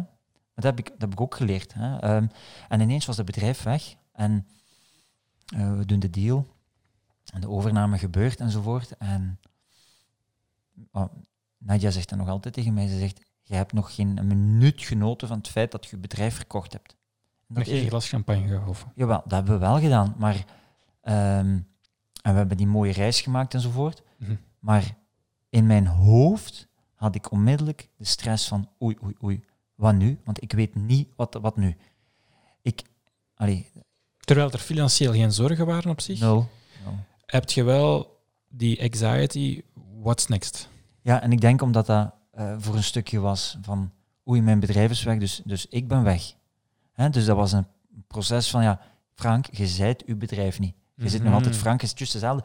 Dat bedrijf is niet meer van u, maar je hebt dat gerealiseerd. Hè? Dus ik heb dan even geteerd op het idee, op het ego. Ik heb mijn bedrijf verkocht, maar dat was het ook niet. Ik bedoel, dat was gepasseerd. Dus, dus ik heb wel moeten zoeken, wie, wie, wie ben ik hier nu en wat wil ik nu? Hè? Maar pas op, ik heb tot, eh, it's a eh, learning process. Hè? Ik heb het daar nog altijd heel erg lastig mee.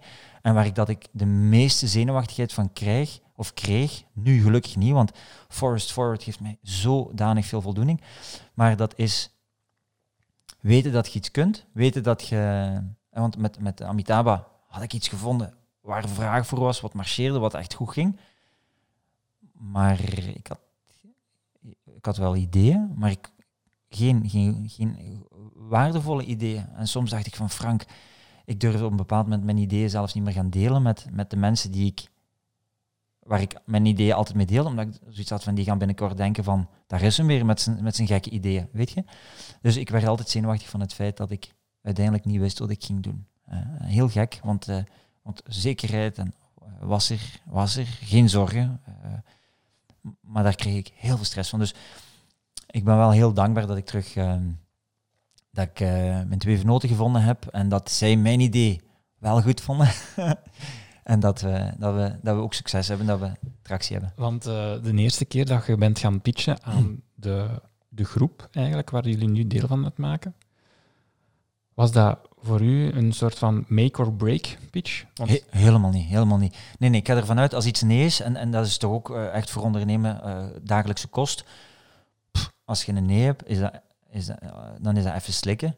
Hè? En dan is die nee een nee. Hè? En dan gaat je op zoek naar een ja ergens anders. Hè? Dus dat was zeker geen make-or-break. Ik, ik had gewoon zoiets van, Dirk, hè, de CEO van United Experts, als er iemand is die mijn idee kan inschatten, qua, qua, qua techniciteiten en qua vanuit ondernemersstandpunt, dan is het hij. En, en niet mijn vrouw, eh, niet mijn ouders, niet mijn vrienden, want die, die, die kunnen wel allemaal naar mijn mond praten of net niet. Maar Dirk was veel objectiever en Dirk zei, dat gaat lukken. En eh, dat was zeker niet make or break, maar ik was wel verrast door hoe enthousiast dat hij was. En dat heeft mij dan ook weer heel veel energie gegeven. En ik moet zeggen, die rust is dan wel teruggekeerd eh, in oktober vorig jaar, wetende dat we Ja. dat bedrijf gingen opzetten. opzetten. Ja. ehm, je hebt ehm, ook een, een soort van persoonlijk boekje aan mij doorgestuurd. Hè? Ehm, je noemt het de Start Your Day eh, document. Mhm. Ehm, en ik had eh, er straks gevraagd ook dat ik de vrijheid had om een enkele lijnen eruit eh, te citeren. Dus ik, zelfs mocht je even de context geven. Een soort van zelfmotivatie, daily mantra boekje. Mhm. Dus mocht je een beetje de context geven. Dus, be kind, be worthy, be real, cause you rock. High thinking, plain living. Frank, het is tijd om te veranderen. Niet iemand anders te worden, maar wel al het onechte weglaten en de juiste dingen doen. Hoe kom je erbij, um, één, om die, die gedachten ook openlijk te delen met mij? Um, en, en hoe ben je tot dat, tot, die, tot, dat verhaal gekomen eigenlijk? En waarom doet je dat? Je had mij gevraagd om twee zaken door te sturen en, en ik heb echt eh, mijn kop gebroken. Eh, want, want er is niks echt... Allee, toch iets wat ik kon meepakken. Er is niks waar dat ik zwaar waarde aan hecht. Niks. Allee, eh, zoals, ik, zoals ik schreef, mijn gezin, dat is, dat is mijn rijkdom. Ehm, mijn ervaringen, mijn plannen. Hè? Dat, is, maar dat, kan ik, dat kan ik nu wel delen, maar dat kan ik niet meepakken. Dus qua voorwerpen. En dan dacht ik gewoon, ah, dat boekje, eh The War of Art, is tof. En dan iets waar ik eh, geen uitzonderingen op maak, is inderdaad die. Ja, het is niet echt een boekje. Hè, dus eh, het is, het is, eh, ik heb een, een dagelijkse takenlijst en iedere dag zie ik wat ik moet doen, zoals iedereen natuurlijk. Maar mijn bovenste taakje is dus Start Your Day. En die Start Your Day is begonnen met vijf, vijf inzichten. Vijf, vijf dingen waar dat ik attent op moest zijn. Mhm. En dat is uiteindelijk gegroeid naar, naar een, een hele reeks van, van eh 50 eh, zaken die niet alle dagen even relevant zijn. Maar er zit iedere dag wel iets tussen waar dat ik zoiets heb van, ah ja, vandaag daar rekening mee houden. Als je wat zwakker voelt of wat onzekerder of wat, eh, wat eh, minder gefocust, eh, dan, dan, dan is of ander. Ehm, en, ehm, en dus dat is gegroeid. En, en dat groeit eh, meestal als ik... ik heb... ik heb sinds 2000, denk ik, sinds dat ik in Brugge ben gaan wonen, heb ik eh, Roland Verschaven leren kennen via, via mijn schoonmoeder. Roland Verschaven is, is, is, is mijn meditatieleraar, yogaleraar eh, ook geweest. Vriend geworden, hele goede vriend geworden. Een hele succesvolle man ook. Hè. Dus niet iemand die zweeft of weet ik veel. Maar die heeft mij, want, want daar, daar krijg ik heel veel kriebels van. Hè, van die mensen die, maar zonder, zonder voeten op de grond. Roland was eh, iemand met de, met de voeten echt op de grond. En die heeft me heel, heel veel inzichten gegeven. En, eh, en, en ieder kwartaal, nu natuurlijk fysiek niet, maar ieder kwartaal zitten wij samen. Nu is het gewoon online. Met een groep. En dan is dat niet anders dan mediteren. En ehm is zo waardevol. En, en echt, we kunnen denken, en we kunnen spreken, en we kunnen geïnspireerd geraken, en we kunnen iemand horen die ons inspireert. Maar twee dagen, en, en langer misschien ook, twee dagen uw ogen sluiten. Met, met tussenposes aan natuurlijk, en, enzovoort. Maar twee dagen uw ogen sluiten en, en echt naar binnen gaan en luisteren enzovoort. Dat is, ja, je, leert daar veel van. Hè. Ik, doe, ik doe alle dagen, alle ochtenden, doe ik ook yoga. Dat had ik ook kunnen meepakken. Hè. Iedere dag even mijn ogen sluiten, de dag voorbereiden enzovoort. En dus al die inzichten die ik meestal gehad heb tijdens die weekenden, die, die vulde ik dan aan op mijn lijstje. En ik vulde eigenlijk aan van boven. Dus nu heb je iets gelezen, denk ik, dat redelijk van onder stond. Eh, eerder nog wat van vroeger, denk ik. Eh, maar ehm, ja, dat zijn van die zaken. Eh, anders moet je mij het eens even geven, het bladje. Ik ga het, eens, eh, ik ga het even kaderen misschien. Ja, ja ik heb, het, is, het is eigenlijk alleen maar de laatste de regels dat ik had, had, had Ja. gekopieerd. Ja. Ja, dus be kind, be worthy. Hè. Ja, ze zegt het, hè, als je vriendelijk bent en waardigheid. Hè, Als je waardig bent, dan, dan word je ook zo behandeld, denk ik. Hè. En ook de andere mensen in hun waarde laten. Soms is het zo gemakkelijk. En ik ben misschien verbaal soms een bokser die, die op zijn tong moet bijten. Hè, maar de andere persoon in zijn waarde laten is belangrijk. Be real, cause you rock is eigenlijk... eh, mijn, mijn vernootschap heet Rock and Reel. Hè, van rock and roll in de vastgoed. Dat is nog een andere activiteit die ik heb, vastgoed. Eh, rock and Reel. En ik echt zijn, want gewoon door echt te zijn, you rock, weet je. Gewoon even mij eraan helpen herinneren. Dat was gewoon een toevallige woordspeling. Hoog denken, simpel leven. High thinking, plain living, spreekt voor zich. Ja, het is tijd om te veranderen. Niet iemand anders worden, eh, maar wel al het onechte weglaten. Ik ben iemand die... eh, ik had eh, op de universiteit in het eerste, eerste jaar, eerste kan, had ik de, de nominatie gewonnen. Coolste van het, van het jaar, de fotoboek. En ik begreep daar niks van. Want ik was zo onzeker als wat. Maar niemand die dat zag. Ik had, dat er nominaties ik voor had, waren. ja, dat was eh, op Sportkotten was dat zo. Uh, had de, de, de, weet ik veel wat allemaal. En eh, ik, ik, maar ik zag er ook stoer uit. Hè. Ik had rastas eh, en, en ik was een surferboy enzovoort. Ehm, maar ik was zo onzeker als iets. Dus, en, en dat is nog altijd een proces dat ik iedere dag moet lossen. En iedere dag echter probeer te worden. En gewoon de juiste dingen doen. Ja, voilà. Ja. De juiste dingen doen. Voilà, dus... Ik eh, kijk alvast uit naar, eh, naar uw avonturen hè? en ook naar het, eh, het grote bos, denk ik. Ja, het noemt. grootste bos, ja. Het grootste bos met Saartje. eh, dat we in doog moeten gaan houden. Ehm, wat kan ik u nog wensen voor de komende twaalf maanden? Goeie verhuis. Binnen Brugge?